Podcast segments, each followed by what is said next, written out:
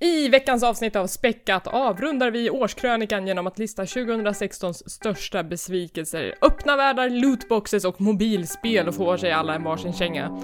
Därefter vänder vi blad och blickar framåt mot spelsläppen som vi ser mest fram emot under det kommande året. Det här är Späckat.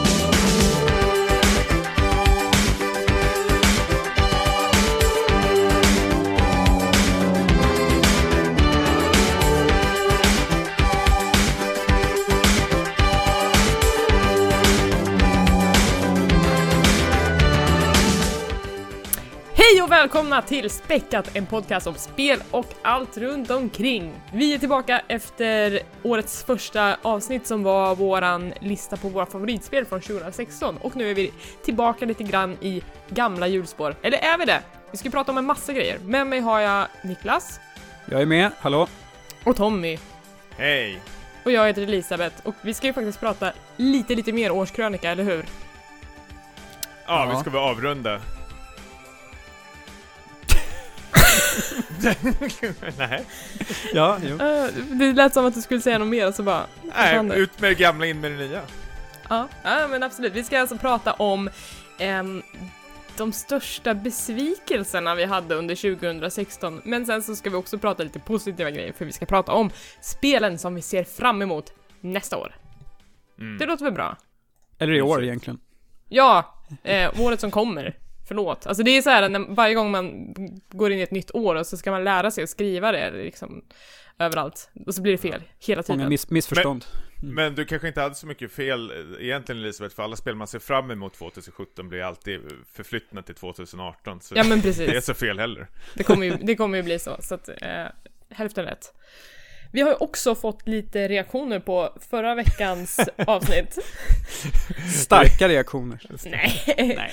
Nej, men det verkar ha varit ganska lugnt. Men, men eh, två stycken har hört av sig på Twitter och eh, också pratat lite om vilka spel de helst skulle ha på sin lista. Eh, vi fick en åsikt här från at I'm Big B, som tyckte att bäst 2016, Overwatch och det fantastiska men otroligt underskattade Grim Dawn.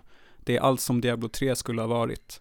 Är det här något ni har spelat, alltså Grim Dawn? Nej, inte, Eh. jag hade inte hört talas om det förrän han skrev om det till oss. Jag hade det som mitt eh, bästa spel som bubblare 2015. Eh, men då har jag för mig det kanske låg i beta Ett sånt här early stadie eller någonting. Ja, ja, precis. Jag köpte det väldigt tidigt faktiskt. Kanske var att det var betastad, men jag, jag tyckte väldigt mycket om det. Sen har jag inte spelat det någonting 2016, så det kanske har blivit ännu bättre. Ja, men det Ja, det det ser ut som så. att det släpptes i februari, Ja, på riktigt. Ja, men eh, det kanske är någonting man får ta och kolla in. ja. men om, om man gillar Diablo, Loot och eh, Path of eh, Exile så ska man verkligen kolla in det här. Eh, vi har också ät tantfarbrorn som listar Firewatch, Overwatch, Ratchet and Clank, Overcooked, Lovers in a Dangerous Spacetime utan större rangordning. Så det är Overwatch eh, som lyssnarna vill lyfta fram ytterligare, låter det som. Ja, men det, jag tycker också att det är väldigt tacksamt att vi har Overwatch och Overcooked och sen har vi Firewatch och Overwatch. Det är så här lätt att hålla reda på namnen ifrån eh, 2016s speltitlar. Eh, Ja. Och att alla är bra. Det uppskattar jag. Eh, Lovers in a Dangerous Spacetime är ju ett spel jag har velat spela väldigt länge faktiskt. Det är ju någon slags eh, soff co-op där man ska styra något skepp och samarbeta i 2D-tappning. Mm, jag har hört mycket fint om det, men jag har aldrig liksom kommit mig för att faktiskt köpa det och sätta mig och spela det än. Ja. Men eh, det kanske vi får hända det här året. Ja, eller så kanske vi rekommenderar det till någon. Ja. Men det är ju alla hjärtans dag snart, så då kan man ta sin lilla partner och, och spela Dangerous Space Time. Ja, jag tänkte väl mer på vår nästa fråga vi fick. Ja, såklart! Vänta, jag tappade, jag tappade mina hörlurar. Så, Tappatråden och hörlurarna. Ja. förlåt. Jo, vi har ju fått ett lite längre meddelande från vår lyssnare som heter Per. Per skriver, Hej Späckat! Hej! Jag har en flickvän som aldrig riktigt har spelat tv-spel, som inte är Singstar eller liknande, eftersom hon inte är intresserad av action och skjuta och så vidare, vilket de flesta spel i någon form har. Innan jul så köpte vi dock Overcooked, vilket hon och jag tycker är kalaskul. Så nu är min fråga, har ni några tips på spel som kan ge en oerfaren spelare en ingång till tyngre spelande? Overcooked gick som sagt hem, så gärna lätt att lära och helst multiplayer. Tack! PS. Ni är den bästa spelpodden. PS2. Hehe, hon gillar även Hearthstone. 'hehe' är det för att PS2 kan också betyda Playstation 2? Ja, oklart. jag tänkte också. Ehm, så har vi några tips på spel som kan leda in till tyngre missbruk? Ja, alltså att om hon gillar Hearthstone så såg jag att eh, det här kortspelet Uno finns på Playstation Tor- Store till rabatt. Så himla sassy Niklas. Ja, jag tar alla chanser att klämma till Hearthstone. Ja. Nej, jag vet inte, jag tycker det är svårt. Overcooked är ju lite eh, i en egen genre känns det som. Det är ju, det är ju så jordnära också det här med att laga mat kan väl de flesta relatera till. Mm. Så jag har lite svårt här. Långs. Vad, har ni några bra tips? Men jag, jag, eh, alltså när folk frågar mig just den här frågan, för den har jag fått förut, eh, så brukar jag rekommendera Telltales spel, just för att de är som en blandning mellan en tv-serie och ett tv-spel. För liksom tv-seriemediet och det här episodformatet är ju någonting som de allra flesta kan ta till sig nu. Och om man bara lägger till de här valen och lite, lite quicktime actions så liksom isar man in i ett lite mer spelbeteende. Och då kan man ju liksom, det finns ju liksom massor av spel att välja på i den här genren. Det finns ju liksom Life is Strange, om man är lite sugen på det här eh, Twin Peaksiga, det är lite, alltså övernaturligt men ändå jordnära på, liksom på ett sätt som, som har välskrivna tonåringar i sig också. Det finns ju Walking Dead om man är redan ett fan av den serien. Ehm, och en, ett helt gäng andra spel. Det kommer ju liksom massa Marvel nu och Batman och sådana Mm. grejer. Så att, Och Där finns Game det of mycket. Thrones finns ju också Ja, om man följer den serien just det. tillsammans. Så kan man Ehm. fylla i lite. Ja men precis, så de spelen tycker jag är superbra att börja med kanske. Mm. Om man gillar stresset från Overcooked så har du ju verkligen stresset här när du ska göra dial- dialogvalen och komma överens. Ja, faktiskt. Men när, Så- vi, när vi brukar spela sådana här spel så, så eh, brukar vi såhär ge kontrollen till varandra, jag och min sambo. Och eh, så får den som håller i kontrollen göra valen, punkt.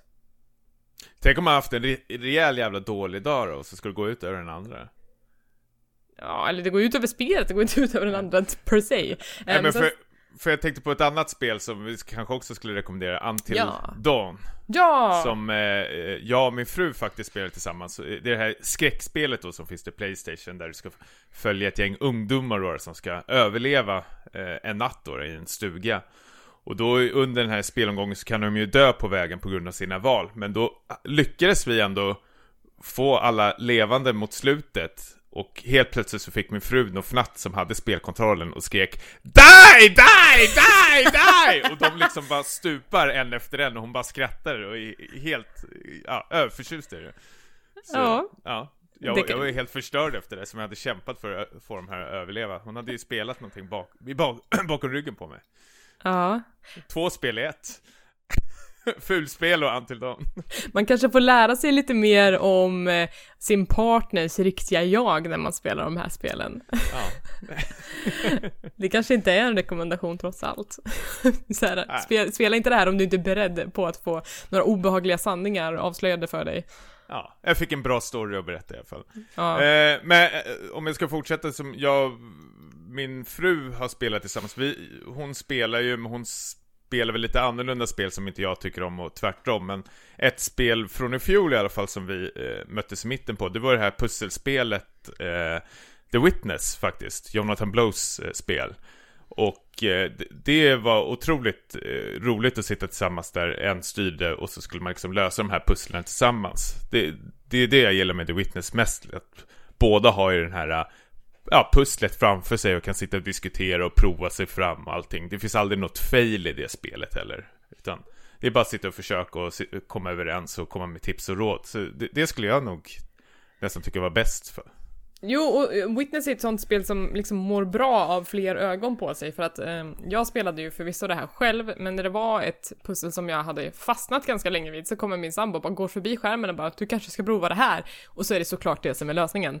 Ehm, så att det, Eh, så att det liksom, det kan gynna. Ja, nej, men pussel är kul att lösa tillsammans faktiskt. Det blir lite teambuilding får man in där också. Mm. Det ska vara nytta med nöje. Ja. Hoppas att det här var några tips som kunde komma till nytta för dig Per och kanske någon annan av lyssnarna.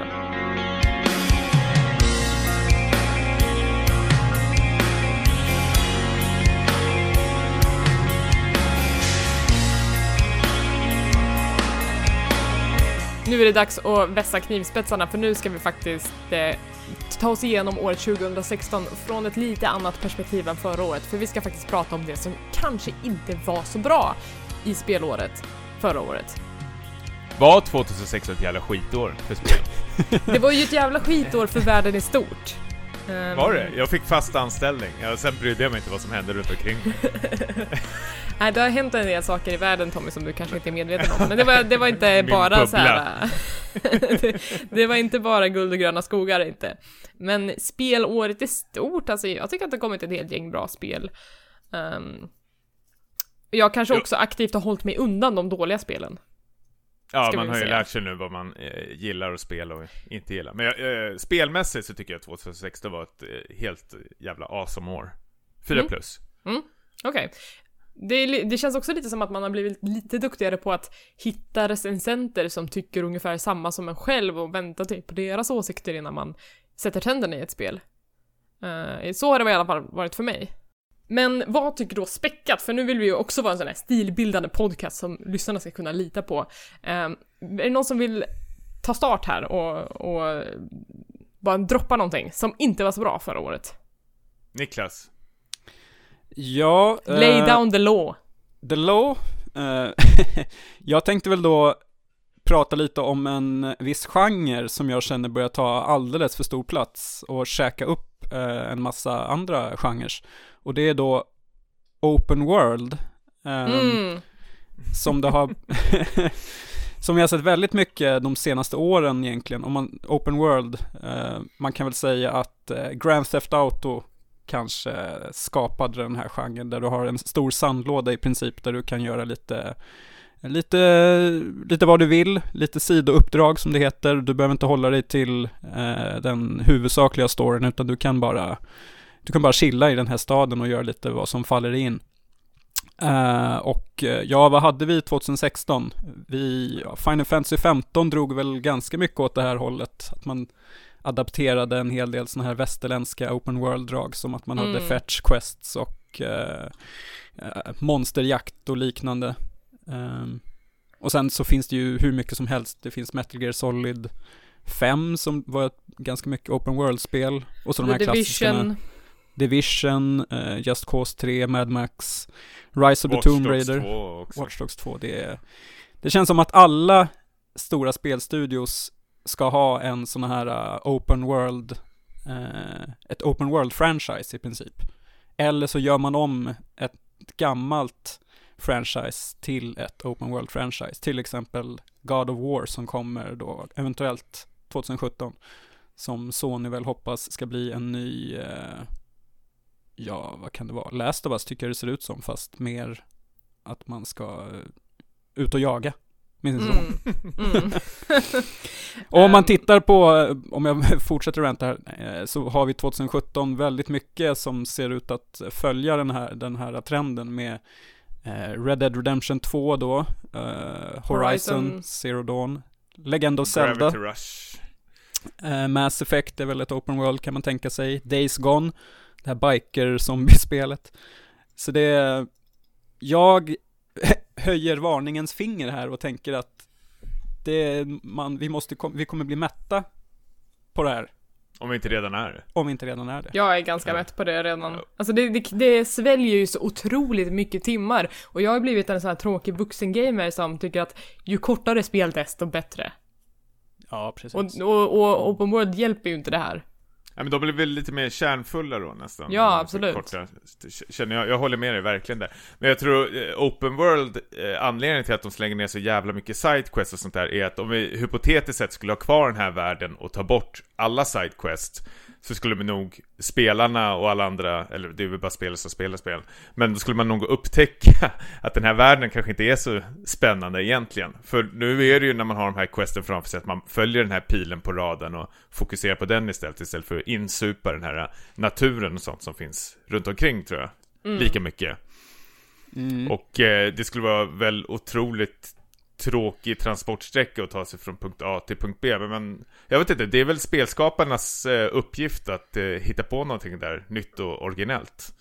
Jag tänker, jag, eh, om, om jag jämför, tittar tillbaks på till exempel Final Fantasy 7 som jag minns som otroligt episkt och med massor, och so massor av saker att upptäcka och göra. Så, eh, så tänker jag ändå inte på liksom fetch, fetch quest och att eh, jaga runt på eh, monster. Utan jag tänker att när man upptäckte någonting i det spelet, då kändes det verkligen som en, så här, eh, en fantastisk grej. Medan Mm. det jag har hunnit spela i Final Fantasy 15, där eh, ja, är det bara i princip att man springer runt och tar på sig en massa sidouppdrag som känns ganska poänglösa. Och där har istället då huvudstoryn tappats bort totalt på vägen, har jag fått höra av de som har tagit sig till slutet.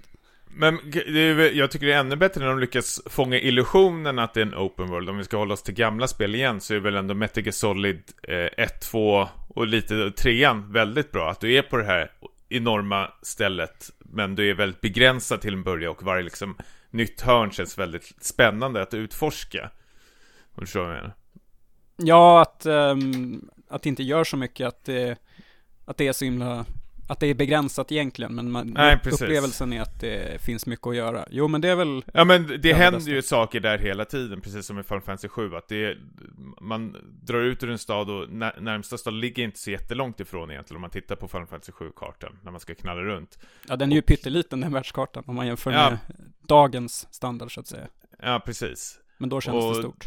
och då blir det lite, det blir lite mer bättre pacing i spelen då skulle jag tro Får jag gå vidare med liksom lite trender som vi har sett under året som jag inte känner mig helt sugen på också? Eh, dels har vi ju det här fenomenet med eh, lootboxes eh, som har blivit en grej både i till exempel Overwatch och Battlefield har ju det här varit en grej. Ehm, Och vad är lootboxes? Lootboxes är ju alltså... Lootboxes är, vad ska man säga, det är lådor som man kan köpa eller spela sig till i spelet och när man öppnar dem så får man slumpmässigt utvald kosmetika. Kan man säga så? mm. Det här är, det, är ju en form... det är väl någon slags här morot inom multiplayer-spelen att man ska spela vidare för att man ska, ja för, ja kosmetika utseendemässigt Mm. Och det är, eller för den delen typ Hearthstone och, eh, ja men typ sådana här collectible card games, att de har sån där att du ska köpa eh, card packs, eh, där du får ett slumpmässigt utvalt antal kort. Nej, inte utvalt antal, men du får ett slumpmässiga kort. Eh, och det kan, du kan behöva öppna liksom hur mycket som helst innan du får det som du faktiskt vill ha. Ehm, och det kan ju kännas här lite trist. Alltså jag älskar ju Overwatch, jag vill jättegärna ha alla skins i Overwatch, men det enda sättet för mig att få de skinsen jag vill ha, speciellt på de här tillfälliga eventen, och jag som inte hinner spela så mycket så att jag får inte så mycket lootboxes gratis som en annan hardcore-spelare kan få. Jag kan ju bara köpa jättemånga lootboxes och antingen hoppas att jag får just det skinnet jag vill ha, eller att jag får så pass mycket guld att jag kan köpa det med in-game-valutan. Um, det finns liksom inget mellanting att jag bara lägger 10 spänn och så får jag precis det skinnet jag vill ha. Det värsta med Blizzards, eller Overwatch lootboxen är ju de här eh, eventgrejerna när det bara är någonting som är tillgängligt i Ja men ja, precis. bara no några veckor och då måste du liksom köra liksom som en jävla idiot. Nu hade Mm. de det här jultemat och eh, jag vet inte, jag vill ju ha alla Divas grejer och eh, Zenyatta saker. Mm. Eh, och pengar hade ju inte tillräckligt att köpa deras eh, kläder eller någonting. Och sen när datorn gick ut, då, då var det liksom borta. Då finns det ingen chans för mig att eh, få det. Om Nej, kanske inte nästa år. Jag tycker det är så konstigt för ett spel som man har betalt för, så ska det ändå bli liksom så exklusivt ändå, de här kläderna. Mm. Um, så det är liksom någonting som jag tycker har varit ganska oskönt 2016. Alltså jag tycker verkligen om den här kosmetikan, men jag vill kunna ha ett val att, som inte har med slumpen att göra, att kunna förskansa mig precis det jag vill ha. Mm. Ehm, Men det går nästan hand i hand med det här, eh, också Blizzard, men många andra gör det här med daily missions och sånt där som jag kan bli så jävla trött på att Eh, ja, idag vill vi att du ska göra det här för då får du det här, att den liksom tvingar spelaren att spela på ett visst sätt eh, jag har ju köpt det här Battlefront eh, nu, hela Season Pass och hela tjodrullan. tjoderullan.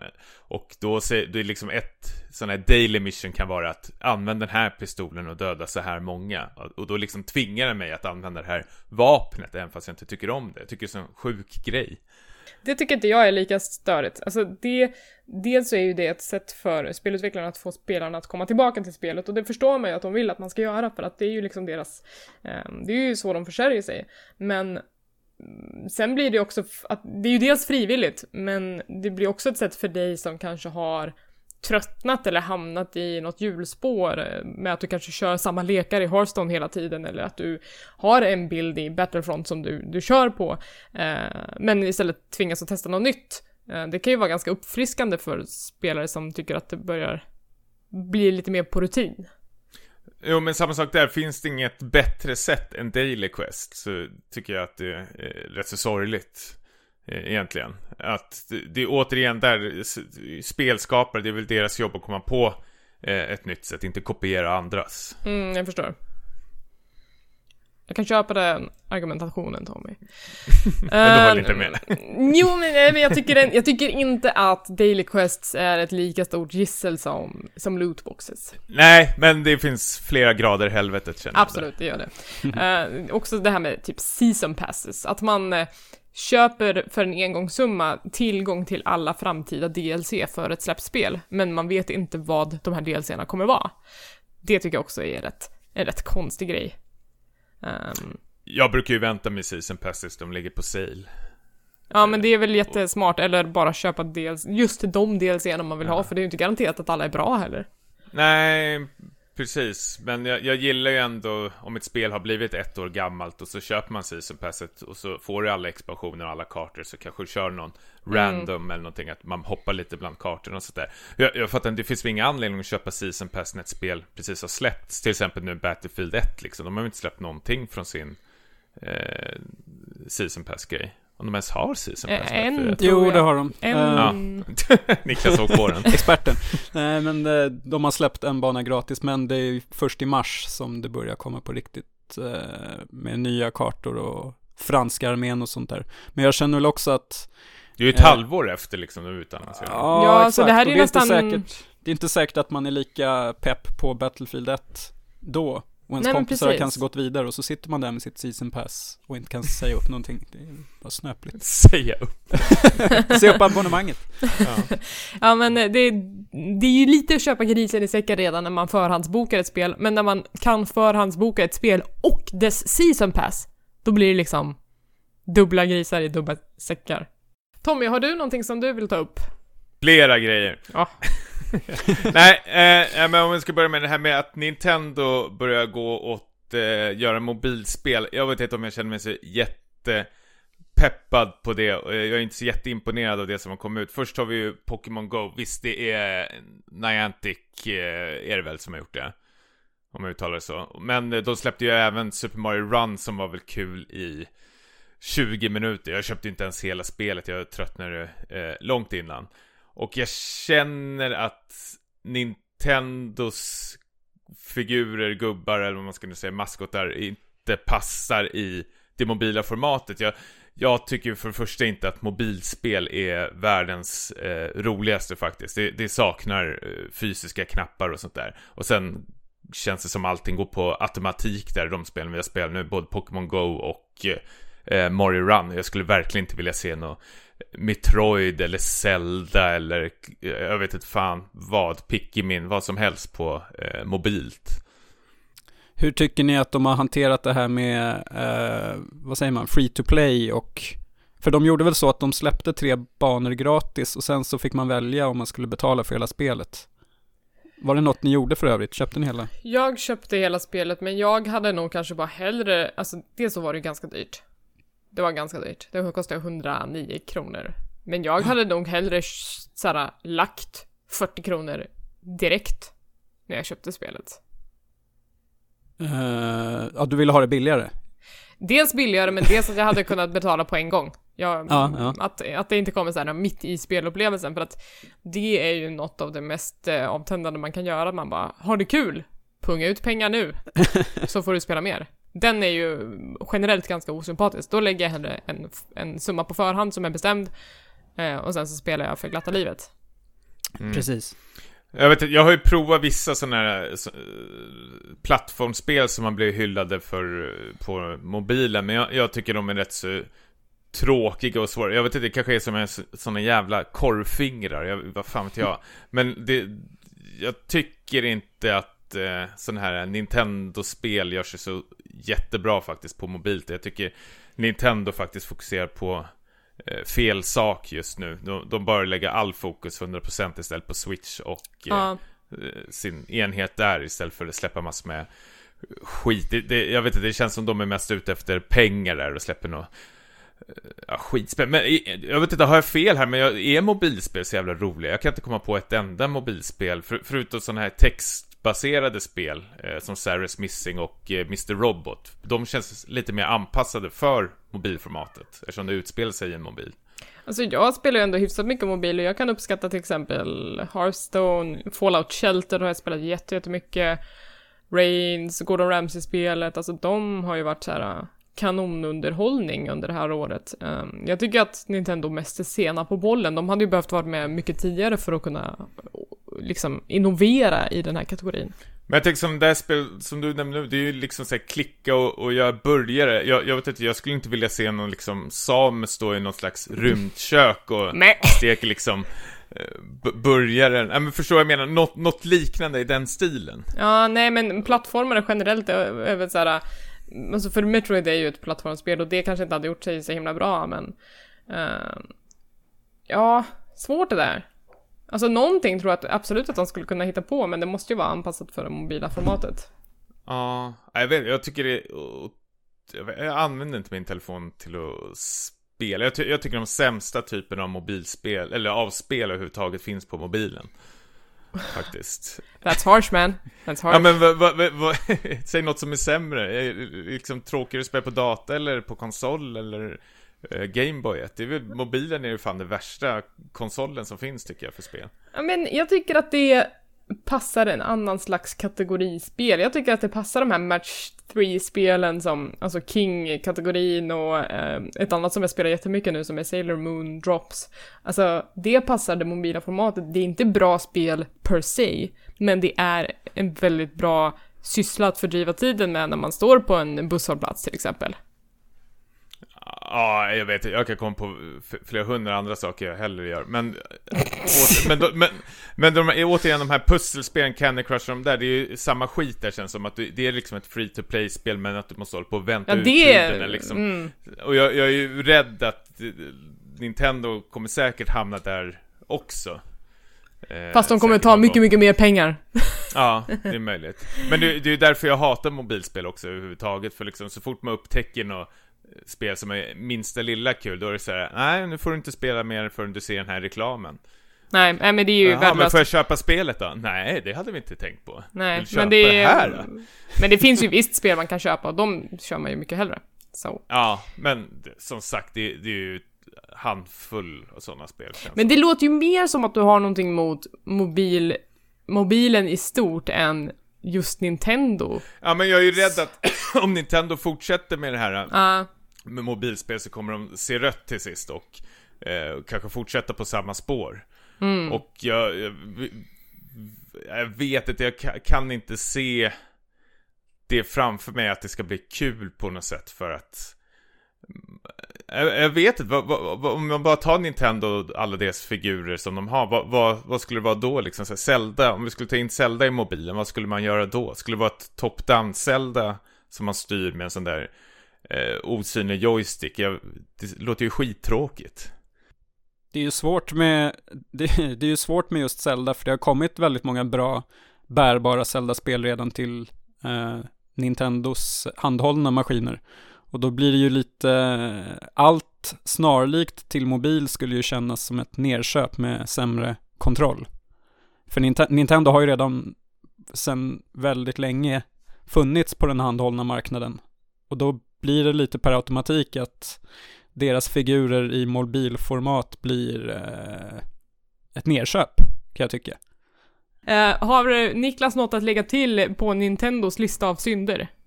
Jag har faktiskt det. Ehm, Min andra besvikelse vet jag inte om det är, men om vi säger så här, när Nintendo Switch-trailern dök upp så uppfattade jag den som väldigt störig och irriterande. Om ni kommer ihåg de här klickljuden och de här, eh, Eh, jag vet inte, JC-ungdomarna som sprang omkring i så här helt orealistiska scenarion och tog med sig spel på fest och hade sig. Sen började jag glömma bort det här och kanske bygga upp en liten pepp eh, inför eh, maskinen och så vidare. Sen tittade jag på den här trailern igen häromdagen och blev arg på nytt. För att den, den är så råtöntig och jag kan inte fatta att man, ja, som Nintendos PR-personer då, de är så otroligt verklighetsfrånvända som tror att, eller jag vet inte riktigt vem man försöker rikta sig till med den här reklamen, för den är ju otroligt barnslig eh, och jag vet inte riktigt, som vi har varit inne här på, eh, om man försöker ta, om, man, om vi säger så här, att man vill åt barnfamiljerna som man kanske, som kanske var en väldigt stor andel av de som gjorde Wii framgångsrik, så tror jag att man har tappat dem redan nu, för att de har ju mobilen och de har paddor, eh, där du kan göra en massa mer roliga saker. Eh, så jag tror inte att det kom, att Switch kommer bli en hit i den målgruppen. Och då återstår ju då eh, hardcore-spelarna kanske, eller det finns väl fler spelare, men om vi säger hardcore-spelarna som eh, jag i alla fall blir måttligt imponerad när man visar upp Skyrim som är ett, förvisso en remaster, men ett väldigt gammalt spel. Och då när man sen också börjar lägga fram, eller visa eh, en massa logotyper på företag som då ska stötta maskinen. Om det då innebär att eh, det, vad, vad kan det då innebära? Det kan innebära gamla, gamla spel som de eh, beslutar sig för att ge ut till Switch. Det kommer ju inte alls behöva betyda att det är den senaste versionen av eh, Mass Effect eller Red Dead Redemption eller vad det nu kan vara. För det, de spelen är ju för grafiskt avancerade för att fungera på Switch. Är ni med? Ja, ja. Ni- Mm. Eh, Men, Men- men vi vet ju ingenting om den. Men Nej, jag vi gör inte det. menar. Ja, jag tror till och med att när det här avsnittet släpps samma dag så har Nintendo en sån här eh, presskonferens där liksom korten ska läggas på bordet, inklusive då pris ska avslöjas och eh, eh, släppdag och så vidare. Så kanske vi får klippa bort det här jag sagt för allt, eh, Inget För alltid. ja precis. ja, men precis. Eh, nej men, jag, jag tyckte det var en töntig reklam som jag bara stör mig på. Och jämför med David Lynchs reklamfilmer till Playstation 2 så, de borde titta på dem istället. så ska det se Men ut. då, då, då tappar du ju verkligen barnfamiljerna. Ja men de, de är ju körda ändå, så det är liksom, Jag, gå in på cineasterna. jag har sett en eh, förbättrad version av den här eh, Switch-reklamen. Eh, när de här basketkillarna sitter och spelar multiplayer-spel och high-five varandra. Så har de bytt ut grafiken på skärmen till en av sexscenerna i Mass Effect. När, när manlige Shepard får till det med Kaidan. Gör de high five då de här Ja, då? ja, det är så Såklart. roligt. Ja. Ehm, eh, men, eh, men, eh, ja, alltså jag vet inte, jag är ju en tönt så att jag tyckte att reklamen var rätt trevlig. Ah, I, i Ja. hur asociala de sitter och är. Jag ska gå Jag ut och gå med hunden, hunden får springa iväg medan jag spelar. mycket igenkänning där alltså. Ja, faktiskt. Jag vet, jag, jag förstår vad Niklas säger och jag förstår vad Nintendo försöker göra. Men då, eh, jag håller med Niklas, de, de misslyckas väl rätt så mycket, de gör det väldigt eh, löjligt. Men jag stör mig inte så jättemycket utan jag känner väl mer att det här är väl typiskt Nintendo. För gjorde inte Reggie någon slags eh, liknande sån här eh, Nintendo-reklam för jättelänge sedan där han började high-fiva med någon barn på kontoret som blir chef eller någonting som är är jättelöjlig. Ja, det var inte lynchklass direkt. Eller var det det? Ja, Det, var såhär Mikael. Hanniken-klass. Ja, tyst. Jag har också en, jag har också en liten banna till Nintendo. Oj, Eh, Oj, det är mycket smockor här på Ja, Nintendo. ja men vi, vi, vi drar av det plåstret och sen så kan vi gå vidare i våra liv och blicka mot en, ett bättre Nintendo-år. Men eh, alltså det har ju kommit några, eh, ett gäng riktigt coola Nintendo-moddar under året. Det har kommit ett spel som heter Pokémon Uranium bland annat som är ett helt fan-gjort Pokémon-spel med helt nya Pokémon, en helt ny kampanj och så vidare som bara exploderade och blev superstort. Och samma sak med eh, en mod som heter Another Metroid 2 Remake där det är någon eldsjäl som har liksom satt upp en ny eh, remake av det gamla Metroid 2. Superuppskattade moddar, alltså superuppskattat av community och Nintendo säger stopp. Um, och det är, alltså, man, man, förstår ju den lagliga biten av det. Det är ju viktigt för dem att försvara sina IPn och att allting som, som associeras med deras varumärke ska vara korrekt och så vidare. Men, men samtidigt, ingen av de här moddarna utgav sig ju för att vara en Nintendo-produkt och eh, det, det, här är ju en väldigt stor skillnad mellan västerländska och japanska spelskapare. Att i, väster, i västerlandet så kanske det uppskattas mer av spelutvecklarna, att man är kanske är mer villig att dela med sig av fanart och coola saker som, som fans och moddare har gjort av deras spel och, och uppmuntra den sortens kreativitet. Men Nintendo bara dödar den så fort. Eh, och det tycker jag är ganska det är ganska tråkigt och det hela kulminerade på The Game Awards, den här mässan där eh, som vi pratade om för några avsnitt sedan, då de här två spelen var nominerade i kategorin eh, som de hade för fangjorda moddar till spel. Var på Nintendo kontaktar den här galan och säger att om ni tar bort de här två nomineringarna så kommer vi att visa trailern för Zelda Breath of the Wild på eran gala. Och... Eh, Fan, det har sagt, ju ondskan själv. sagt och gjort, money talks och vi fick se en trailer från Zelda Breath of the Wild. Och ingen av de här moddarna fick ett pris i sin kategori. Så det tycker jag är så här. Jag förstår resonemanget bakom, men jag tror att Nintendo måste bli duktigare på att prata med sitt community, att uppskatta det som, som communityt gör för deras spel. Alltså samma sak med hur de eller behandlade streamers förra året när de eh, fråntog YouTubers möjligheten att tjäna pengar på klipp från Nintendo-spel om de inte signade upp sig på ett eh, Nintendo Revenue-program. Men då var man också tvungen att binda upp sig till att bara göra videos av Nintendo-spel exklusivt. Uh, alltså, det känns bara så att de inte fattar den här Nintendo, eller internetgenerationen. Och det gör mig ledsen. Mm. Men de har ju fattat mobilgrejen i alla fall. Ja, det får, det vi vara, det får vi vara glada för. Uh, nej, men jag tycker bara att det är så här det, det, finns mycket potential här som går förlorad och att när, när fansen brinner så mycket för de här spelen att de lägger hundratals timmar, tusentals timmar på att göra sådana här ambitiösa moddar som, som dessutom är superuppskattade eh, alltså, och sen bara får ett cease and desist från Nintendo. Man tappar ju glädjen för det, det blir ju inte kul längre. Mm. Så det, jag tycker det är trist. Ja, jag håller med.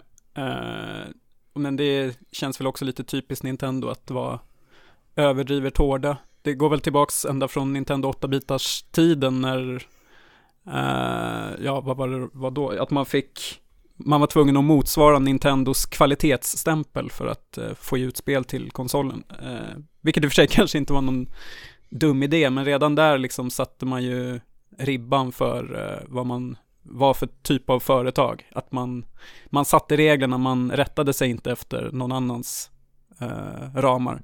Mm. Ja, ändå så var det ju folk som sket i det här, särskilt eh, kristna människor. Eller det var ju inte, det var inte direkt kristna som gjorde det, nu, nu har jag helt fel, men det var ju vissa spelföretag som eh, gjorde ju egna spel och släppte i alla fall. Och då var det något eh, snille som kom ju på att just det, kristna gillar väl spel, men släng in lite bibelspel så kommer det säkert sälja som smör. Vilket det gjorde. Nintendo fick inte en spänn för det. ja, precis. Ja, det slår ju tillbaks på dem. Skitsmart. Ja. mm. Ja. Har vi någonting, eh, har vi några fler besvikelser? Ja, eh, be besvikelse låter så jävla hårt, och man ska inte sparka på någon som eh, ligger ner, men jag ska försöka oh. förklara mig i alla fall. Men det är väl själva det här No Man's Sky-fenomenet som har hänt, det går ju inte att missa liksom. Fansen, allihopa är ju besvikna, vi tre också, antar jag. Ja, jag, har inte, jag har inte provat uppdateringen än, så att jag reserverar mig. Det är för sent. Har... Okej, okay, ja. det är för sent, okej. Okay. Det är tyvärr lite Tåg... för sent. Tåget ja, har gått. No, no, no Man's Game. Nej, men det, det jag tycker att här är väl exempel på att man inte kanske ska låta en eh, liten studio låta eh, göra allting själv. För vad jag fattar som har ju liksom Hello Games, särskilt med Sean Murray då, fått liksom sköta det här PRet och eh, vad pengarna ska gå och eh, det här med att man inte har släppt kanske någon testversion på spelet som fansen får prova så man kunde veta i början så här, okej, okay, det här kanske inte funkar så jättebra och ni kanske ska göra så här istället. Så tror jag faktiskt att No Man's Sky hade mått mycket bättre idag. Och det här är någonting som jag tror är väldigt viktigt, särskilt när det är en liten studio för liksom hantera pengar och allting sånt där. Det, det är ju fan inte lätt. Jag tittar på just nu en dokumentär, så jag kan verkligen rekommendera det här. Eh, Double Fine Adventure-dokumentären när Tim Schafer vart eh, eh, crowdfundad till eh, Broken Age-spelet. Och då får man ju följa hela processen från att de får in pengarna eh, vad var det, 4 miljoner dollar eller någonting och de skulle väl ha 300 000 Men ändå så liksom sket det sig för att pengarna inte räckte till. Och liksom Där är ju också ett, ännu, ännu ett exempel att det här en liten studio och så får de det här eh, stora hypen kring sig som, och så kan de inte liksom hantera det på rätt sätt. Utan jag tror att det är viktigt för små, jag, jag gillar att man, man, ska såklart gå sin, det, det, är så otroligt svårt där samtidigt tycker jag att Man ska ju så, såklart gå sin egen vision och sin egen väg och inte låta andra påverka en, men jag tror samtidigt att det är väldigt viktigt att lyssna på andra också och inte vara helt instängd och Alltså det Sean Murray och de har gjort har vi liksom de har väl gjort allt som är fel. Men kan det, liksom kan det inte möta. också handla om att de har eh, Sony som en stor förläggare i ryggen som har väldigt höga förväntningar på dem och kanske pushar på ett releasedatum och säger att det här datumet vill vi ha ut spelet. Um, det kan ju vara sånt som spelar in också. alltså så, så jag, vi har ju en kompis jag och Niklas som liksom verkligen grottat i det här och liksom, Sony har ju liksom till och med gått ut att vi har ju liksom försökt hjälpa till att liksom anställa en PR-person åt dem, men mm -hmm. liksom, de vill inte ens det, utan de ska liksom sköta allting själv och de har ju mm -hmm. säkert, hela teamet har ju säkert vuxit som fan det, av det här, men sen liksom när väl spelet liksom släpps och folk är besvikna och undrar liksom vad, vad, vad är det här för någonting? Ni har ju lovat det här, det här, det här, det här. Då liksom bara stänger de av sig och jag förstår att det är liksom, de har ju fått otroligt mycket så här, alltså verkligen skit, alltså hot och mordhot och allting sådär. Det, det är ju inte alls kul och då förstår jag att man blir väldigt avtänd på eh, folk från sociala medier. Men eh, jag, samtidigt så är det något slags fuskbygge det här? För om vi går in på Steam och tittar på de här screenshotsen så finns det liksom saker som inte ens existerar i spelet. Mm. Steam det, har ju det... faktiskt infört riktlinjer under den här hösten om vad som faktiskt får eh, finnas i screenshot-sektionen också. Ja. På, delvis, på grund, på grund delvis på grund av No Man's Sky. Ja, ja och jag, jag, det är ju, jag vet att jag tycker det är väldigt fult och väldigt konstigt, säkert när man tittar på de här gamla intervjuerna när han berättar om spelet, att det är, det, det är ju väldigt mycket han lovar. Det känns som liksom han är någon mytoman eller någonting, att han inte har koll på vad, han säger för någonting. Och där skulle de behöva en PR-person till exempel, så liksom, okej, okay, du måste dämpa dig, för vi har inte det här. Nej, för det, det är lätt att prata om vad man vill ha med och vad som faktiskt Precis, kommer vara med. Precis, det är ju stor skillnad mellan liksom, och det, det, det är liksom Tim Schafer också brast på, att man har en vision, men tyvärr så går det inte liksom att eh, fullfölja allting. Det blir, det måste, det, det finns det liksom överallt, kill your darlings, det, mm. det måste tyvärr ske. Och, eh, men här har de bara dödat på allting. Det, fick, det var ju bara tomhet vi fick. Rymden har aldrig varit så deprimerad. det är fan eh, sant. Och jag, jag, tror att det, det jag, men samtidigt tror jag det är väldigt nyttigt att det här har hänt med No Man's Sky. Att andra spelskapare kan titta på det här och se vad de har gjort för fel och förhoppningsvis lära sig någonting utav det. Mm. Eh, så man ska ta något positivt ur det. Jag verkligen önskar dem lycka till och allting. Jag hoppas verkligen att de fixar till det här spelet och gör så det blir kul. Jag hade ju skittråkigt med det. Jag tyckte det var förfärligt spel. Men eh, samtidigt, de förtjänar ju inte allt det där jävla skitet de har fått heller. Nej, det finns ju grader av kritik ja, man ska få. Ja, men precis. Eh, så det var väl en besvikelse över 2016. Jag, jag jag vet inte, är det inte någonting med så här små spelföretag, att det känns som de inte kan hantera pengar? Jag tror att det varierar. Ja, självklart, men just nu låter det som alla, alla de här Kickstarter-grejerna, liksom att de har ett, liksom ett stretch goal eller någonting, så får de in liksom dubbla av det. Och sen är det ändå liksom, oj, pengarna tog slut. Vi tog in Elijah Wood, han kostar visst pengar. Så nej. nej men jag, jag vet inte, jag känner mig så här, är de så korkade många av dem?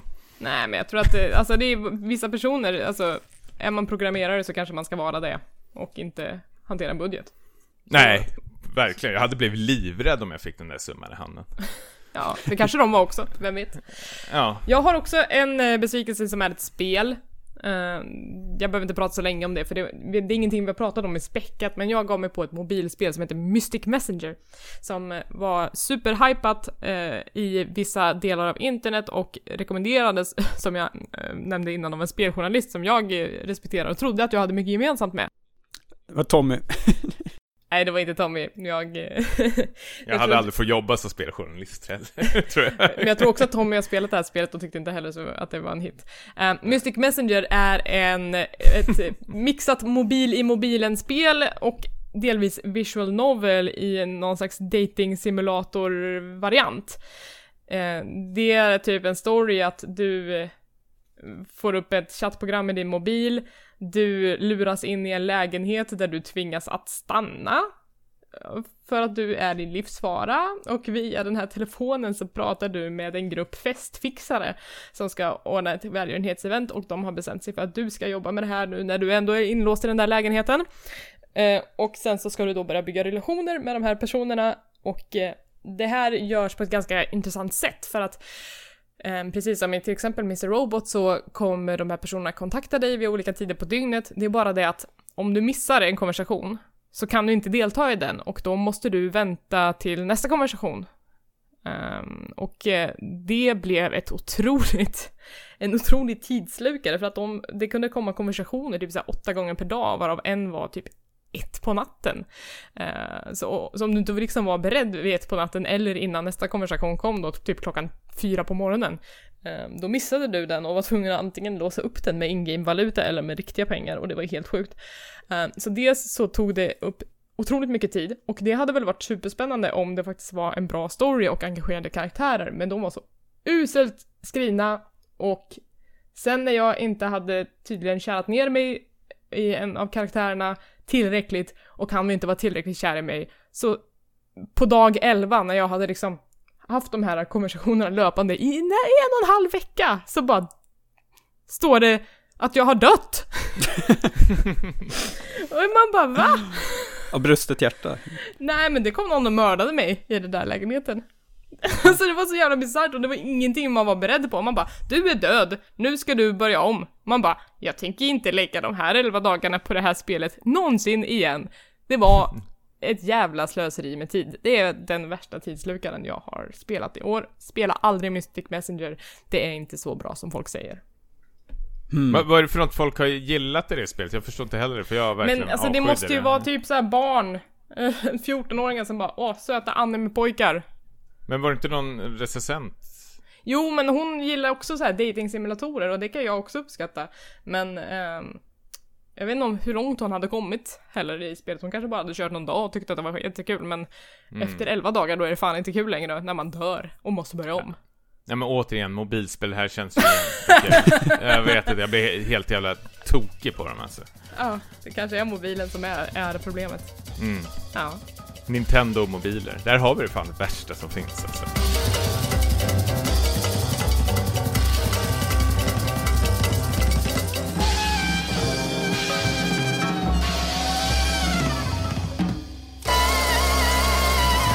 Vi vänder blad, vi lämnar besvikelserna från 2016 och så pratar vi om något kul istället. Vi ska prata om spelen vi ser fram emot under 2017.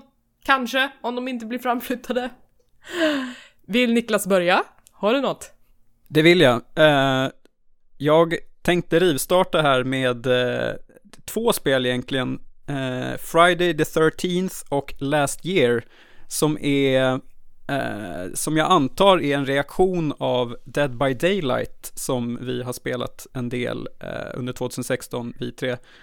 Eh, för Dead by Daylight, det sådde ju ett litet frö känns det som här. En, en ny genre. Som jag vet inte vad man ska döpa den till. Var det, inte, var det inte egentligen Evolve som sådde det fröet?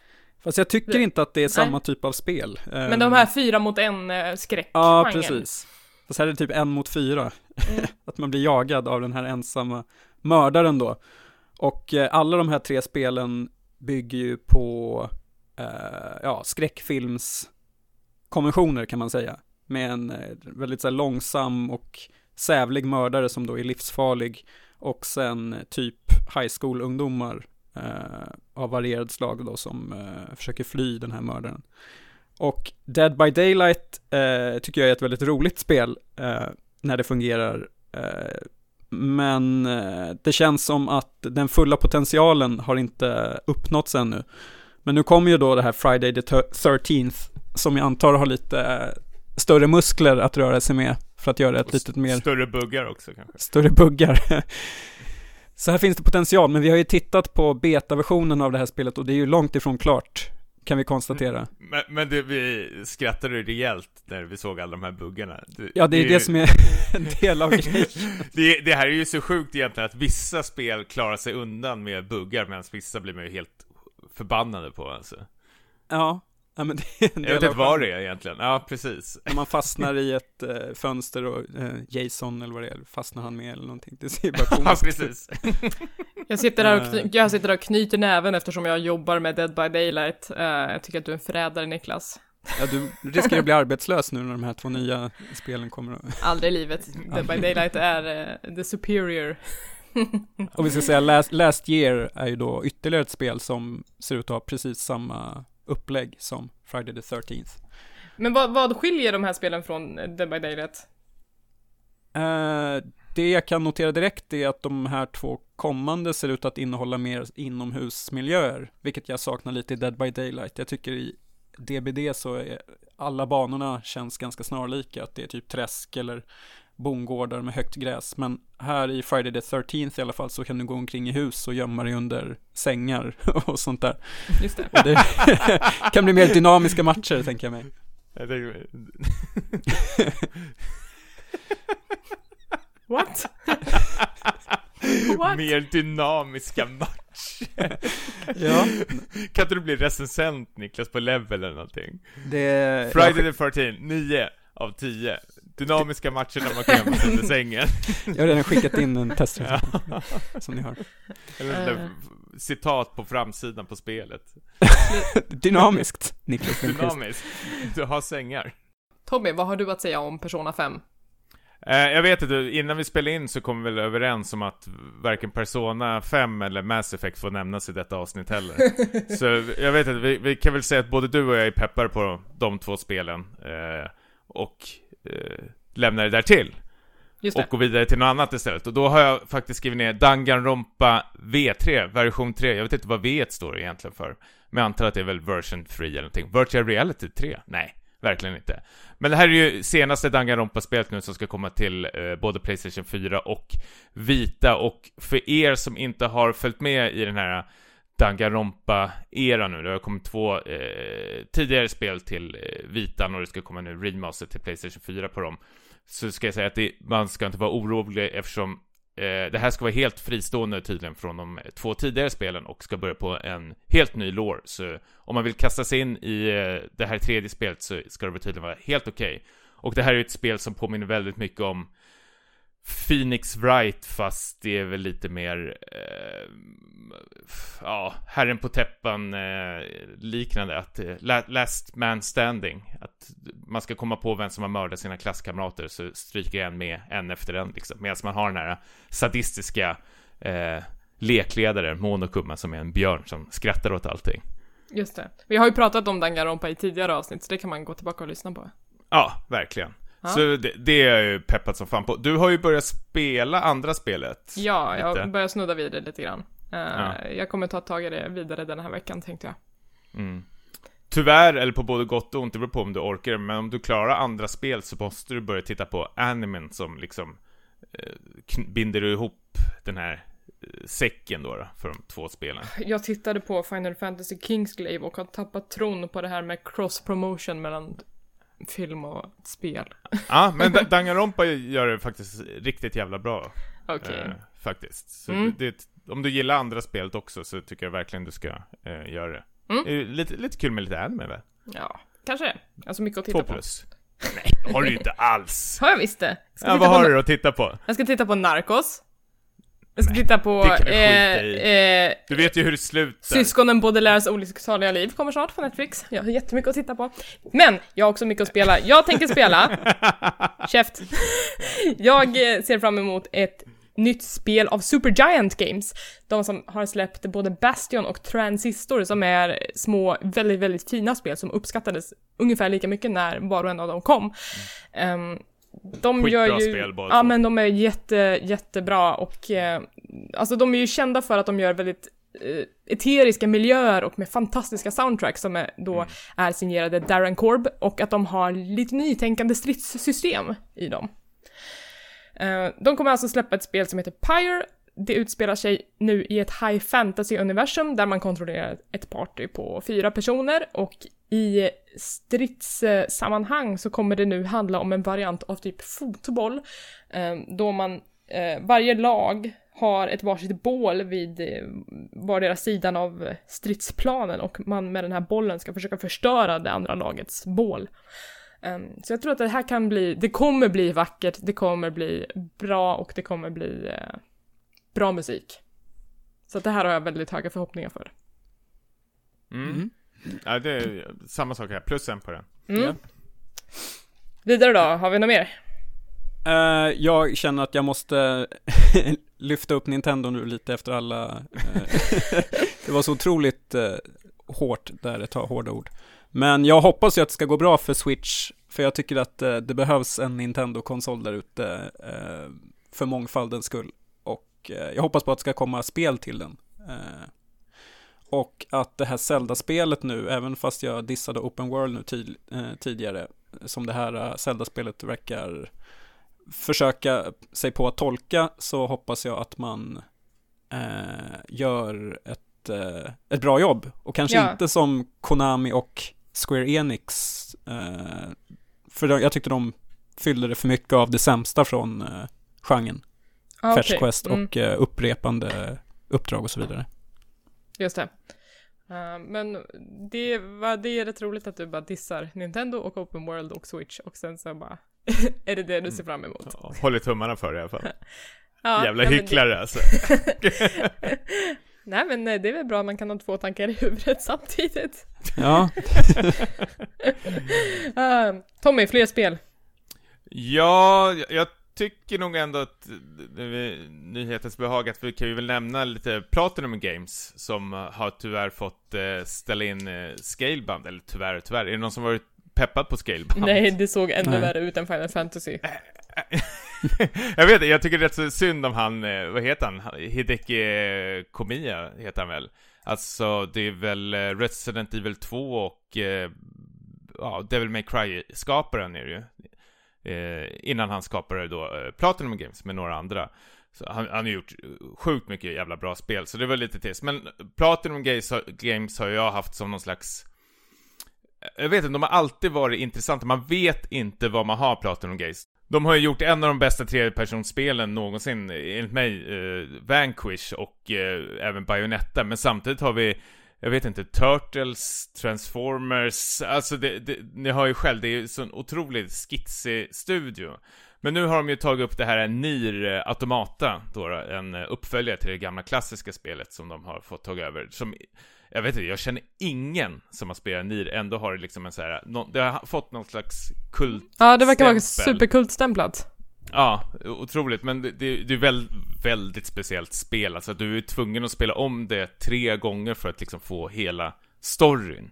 Men det ska vara väldigt så här, otroligt bra gameplay i det gamla Nier. Men nu har ju liksom Platinum Games som var ju kända för att ha väldigt bra liksom kontroll i sina third person-spel eh, ska nu ta över det här och det ser, alltså det, det ser helt galet ut. Det ser ut som Vanquish möter Devil May Cry och Bayonetta där du spelar någon eh, robottjej som slåss mot andra mex och det ser helt jävla galet ut Mm. faktiskt.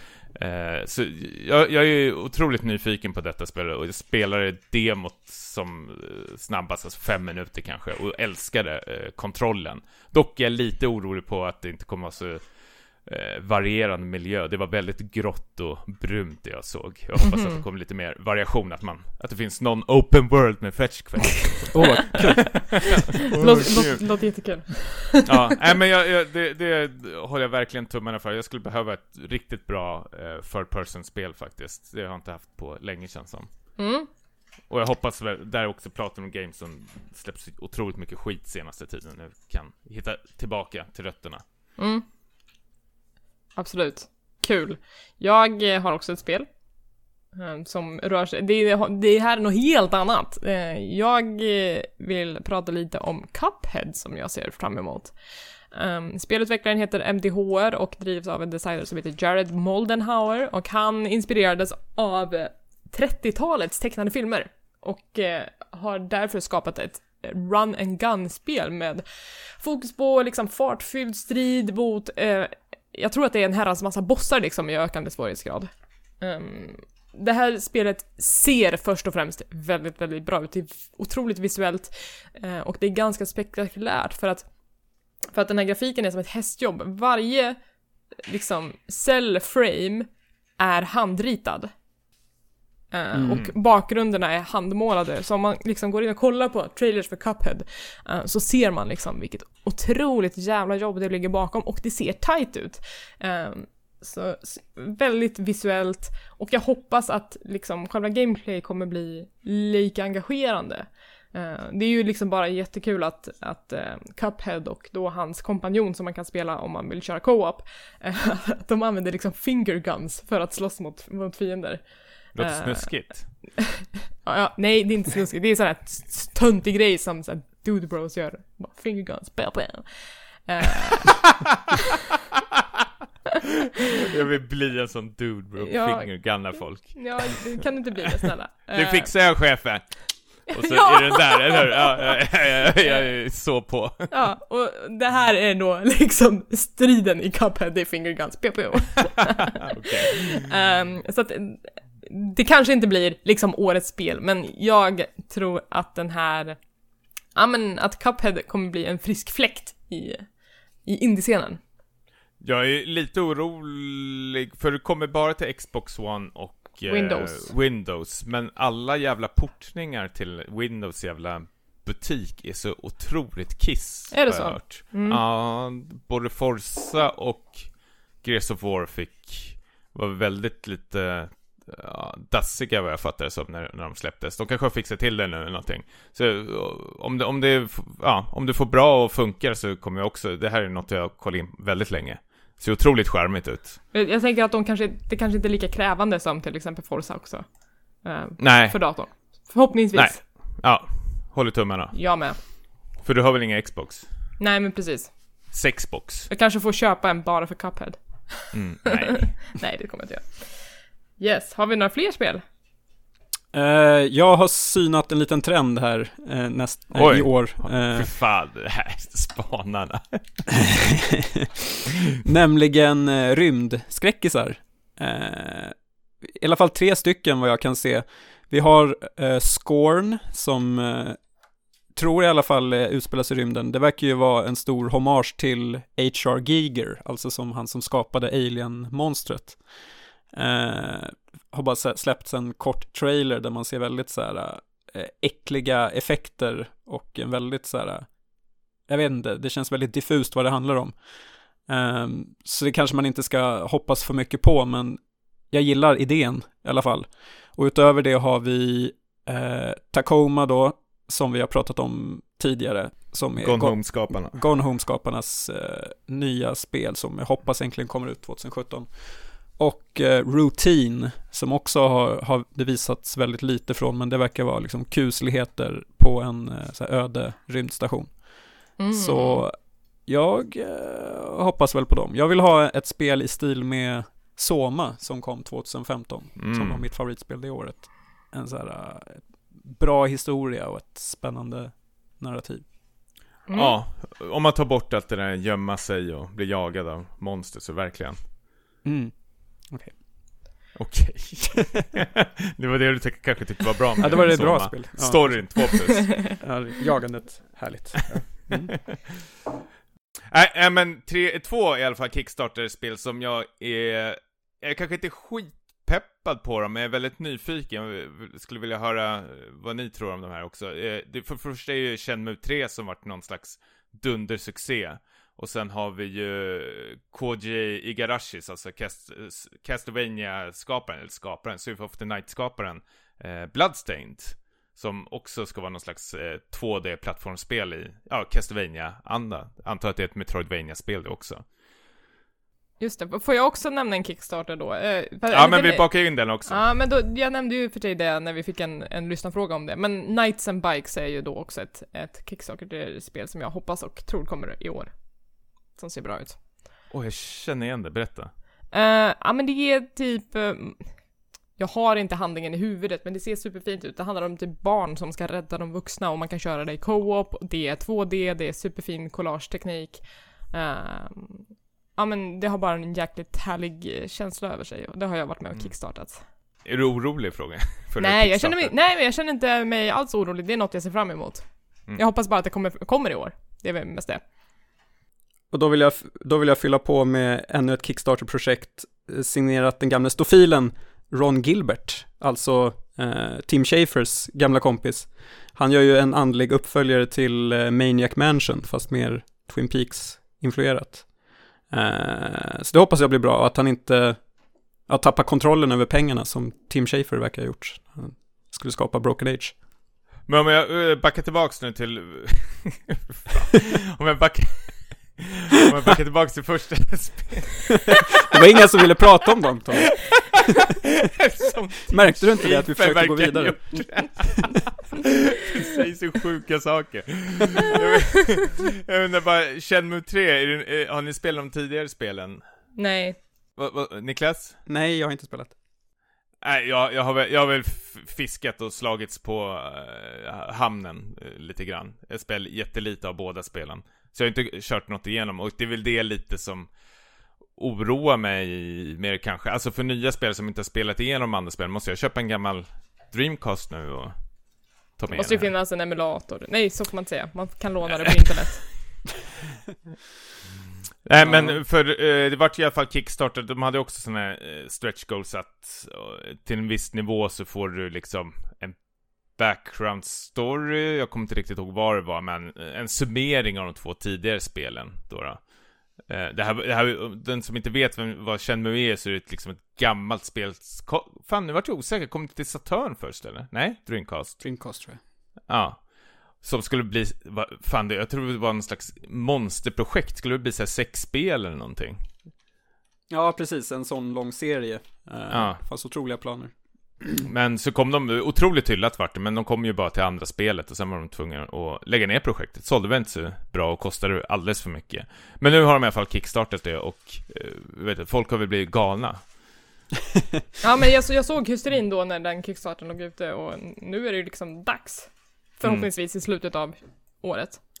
Ja, vi har ju inte fått sett någonting. Eller de släppte lite bilder såg jag, men vi har inte fått sett liksom något rörligt material. Så jag är väldigt nyfiken på hur det går och hur det kommer funka faktiskt, Mm. det här spelet. Ja, Ja. det är den som lever får se. Mm. Men eh, som sagt, om det går i... Ja, jag, vet, jag är ju otroligt sugen vad det kan bli och förhoppningsvis kan... eh, Jag vet inte, jag får fan köpa en Dreamcast, det finns väl någonstans. Så får väl bara spela de två tidigare spelen. Mm. Jag tänkte på det här med gamla kick, eller Kickstarter-hjältar. inte hjältar. Nej men uh, Mighty Number 9. Är det någon som har spelat det? Eh, Nej, men jag hörde att det var bedrövligt. Det var ju Keiji Inafune, alltså Me- Megaman-skaparen som försökte göra comeback. Och det följer bara pladask. Risken Ja. finns ju att... Uh, del- Igarashi också. Ja, Igarashi gör, gör bort sig med det här Bloodstained och att Shenmue blir en flopp också. Mm. Jag, jag har lite på känn att det kan bli så. Ja, Det har ju det är därför också. man är så här, för, försiktig pepp. Mm. Pepp försiktig. Ja, FP. FP. Don't try to make FP happen, it's not going to happen. Eh, jag har ju då också, kanske inte helt otippat, Horizon Zero Dawn på min lista. Det här är Sånt alltså... där jävla open world igen. Ja, det är sånt jävla open world, alltså fy fan. Ah, det är ju Guerrilla Games som har lagt Killzone åt sidan och eh, tänkte att de skulle skapa ett helt nytt universum. Man spelar som jägaren Aloy, Aloy, Aloy som eh, lever i en eh, postapokalyptisk framtid där då så här robotarna har tagit över och de ser ut som ett djur. Eh, och människan har gått tillbaka till en ny stenålder egentligen. Eh, och här så kommer det ju såklart vara en story. De har tagit in en lead writer från Fallout New Vegas som har skrivit den. Och eh, det verkar vara ett stridssystem som öppnar upp för mycket kreativitet. Att det, det är så här mycket pilar, det är olika fällor, det är sprängmedel och sådär. Så att jag tror att det kan bli en, eh, alltså kanske sista sucken för Open World. Det kanske är det sista jag orkar med. Men eh, det ser bra ut och det ser fint ut. Mm, jag är lite orolig för eh, stridssystemet, hur det kommer funka. För Mm. det såg jävla invecklat ut när de skulle bara dräpa någon dinosaurie. Håller på att lägga ut fällor och... Eh, Jag men tror, förhoppningsvis kommer det väl funka eh, smidigare än vad man såg. ja, men jag tror att, det, att man kan nog involvera sig så mycket som man vill i det. Alltså, antingen så utforskar man alla sorters sätt att döda robotar på eller så, eh, stick, alltså man, så håller man sig till någonting som funkar. Så Det brukar här jag göra. peppen, peppen för dino-robotar, det, det måste dö ut nu. Ah, det, det är kanske inte de som jag är mest hype på. Jag tycker att hjältinnan är så himla tuff för att vi har samma hårfärg. Hon har också en ombre som går från rött till blont. Det tycker jag är Mm. nice. Mm. Mm. Det är me- mest därför. Mm. Har Själv är jag skallig, jag är bara peppad på Hitman-spelen. Nej men du får ju vara pepp på God of War också. Kratos. Jaha, ja, sur och går runt. Ja men det är det jag sa till min sambo, det är den han kan cosplaya som. Eller som munk i Diablo. Ja, må, måste jag sätta mig på gymmet ett tag. Ah, har vi fler spel? Nej, inte Nej. vad jag kan komma på. Ingen som eh, säger Detroit? Jag ser ju lite fram emot Detroit, men jag har ju ingen erfarenhet med David Cage spel, så att jag vet inte vad hans track record är. Och vad jag ska förvänta mig. Men jag tyckte att trailern på, från E3 såg intressant ut, utan att jag har spelat något av hans andra spel. Mm. Jag är väl mer Mm. reserverad, om man säger Ja, så. samma sak här. Ni vet vad ni är inne i. Ja. Ja, jag har väl inte tyckt om några, några av hans spel så jättemycket. Inte ens Heavy Rain tyckte jag så jättemycket om. Nej. Vi får se om jag hinner spela dem innan eh, Detroit kommer ut. Uh, sea of Thieves är jag lite försiktigt pepp på. Det är alltså spelutvecklaren Rare som återkommer från en liten svacka. De gjorde ju liksom några av de bästa spelen till typ Super Nintendo och Nintendo 64. Uh, eh, sen blev de uppköpta av Microsoft och uh, sen gick det inget bra. Men nu så har de ju då byggt det här Sea of Thieves som är ett multiplayer-spel där fem spelare ska simulera en besättning på ett piratskepp. Och man ska liksom försöka föra det här skeppet framåt, man måste ta olika roller på skeppet eh, och man ska typ skjuta ner andra spelares skepp. Ehm, risken är väl att det här kan bli ett No Man's Sky för att det verkar inte finnas något syfte i det här spelet mer än att det är skojigt, att det är skojigt att man typ kan spela dragspel och dricka öl tills man blir full. Eh, och så ja, kan man man blir inte skitdyng Ja, så kan man inte kontrollera sin karaktär längre och sen så fuckar allting upp och så sjunker skeppet typ. Ehm, jag tror att det kan bli så här mycket skojiga YouTube-clips och streams från det här, men om det inte finns liksom något, något mål med spelet så kan det ju också falla pladask. Rare är väl lite av ett sjunkande skepp, känns som. Det är väl bra, passande att de gör det här spelet. Ja, vi får se om det blir eh, deras eh, återuppståndelse eller om skutan sjunker. Mm. Eh, jag eh, skulle, om jag får drömma så vill jag att eh, Denaton Games utannonserar någonting nytt. Alltså det vill säga Hotline Miami-skaparna. De har ju Mm. lagt ner den serien men eh, jag, jag gissar att de jobbar på något nytt. Ja, Men det är bara om man, man får liksom önska fritt så att säga. just det. Mm. Men eh, ska vi nöja oss så då med eh, våra hetaste tips inför 2017? Jag tror vi gör så. Ja, Mm. men det, jag tycker ändå det var en ganska gedigen lista. Ja, vi- jag tycker lyssnarna kan väl mejla in sina. Ja, det tycker jag. Och sen kommer det Jag vara vill ha mycket, tips. Det kommer också vara mycket som vi inte vet om. Alltså det kommer ju komma några sådana där eh, snabba bollar kanske på E3 med någonting som kommer bara någon månad senare. Alltså vi vet ju inte kanske allt som är utlyst som kommer. Och sen så ska det också bli kul att se indiespelen som kommer från ingenstans och slår undan fötterna under den. Som typ Undertale gjorde, som Stardew Valley gjorde. De spelen kommer jag se fram emot jättemycket. Det ska bli kul att se Final Fantasy 7 bli uppskjutet.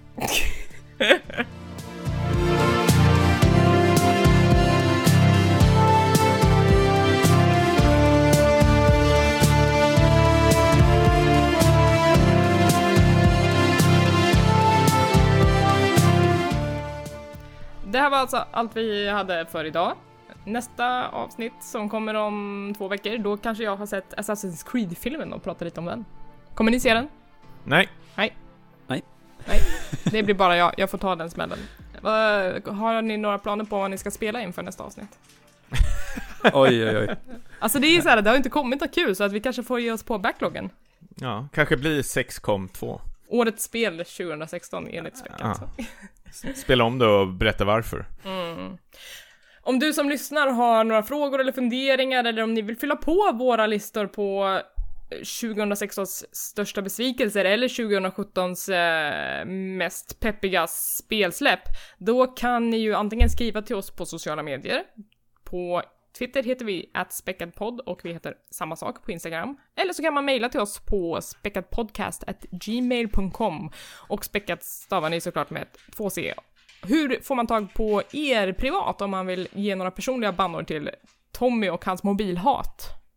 Mm, Twitter, Tommy understreck Jansson, så kan ni hata på mig. Niklas har ju förstått lärt mig en funktion på Twitter nu, jag, jag, alltså det har räddat min dag. Mitt, mitt, mitt, mitt 2017, att jag kan muta folk. Det är helt sjukt alltså. Jag satt och städade hela gårdagen. Ja, nice. Ja, folk, folk man inte vill avfölja för de kanske blir ledsna så... jag börjar grina av lycka. Ja, så, så följ mig och muta mig samtidigt. Ja, blir jag glad. Niklas, hur får Eh. man tag på det? Eller jaha, du ville dra Instagram också. Förlåt. Ja, jag vill dra Instagram också, för där kan ni få följa mig när jag mutar, eller blir mutad, eh, på Stimpas. Fan vad jag låter uppkäftig alltså. Smäll till mig på käften på stan och ser mig också, det är värd. Niklas, hur får man tag på dig? Du som är lite Eh. mer sympatisk. Ja, One Less Niklas, Instagram och eh, så kan ni hylla mig på Twitter, Niklas Lundqvist.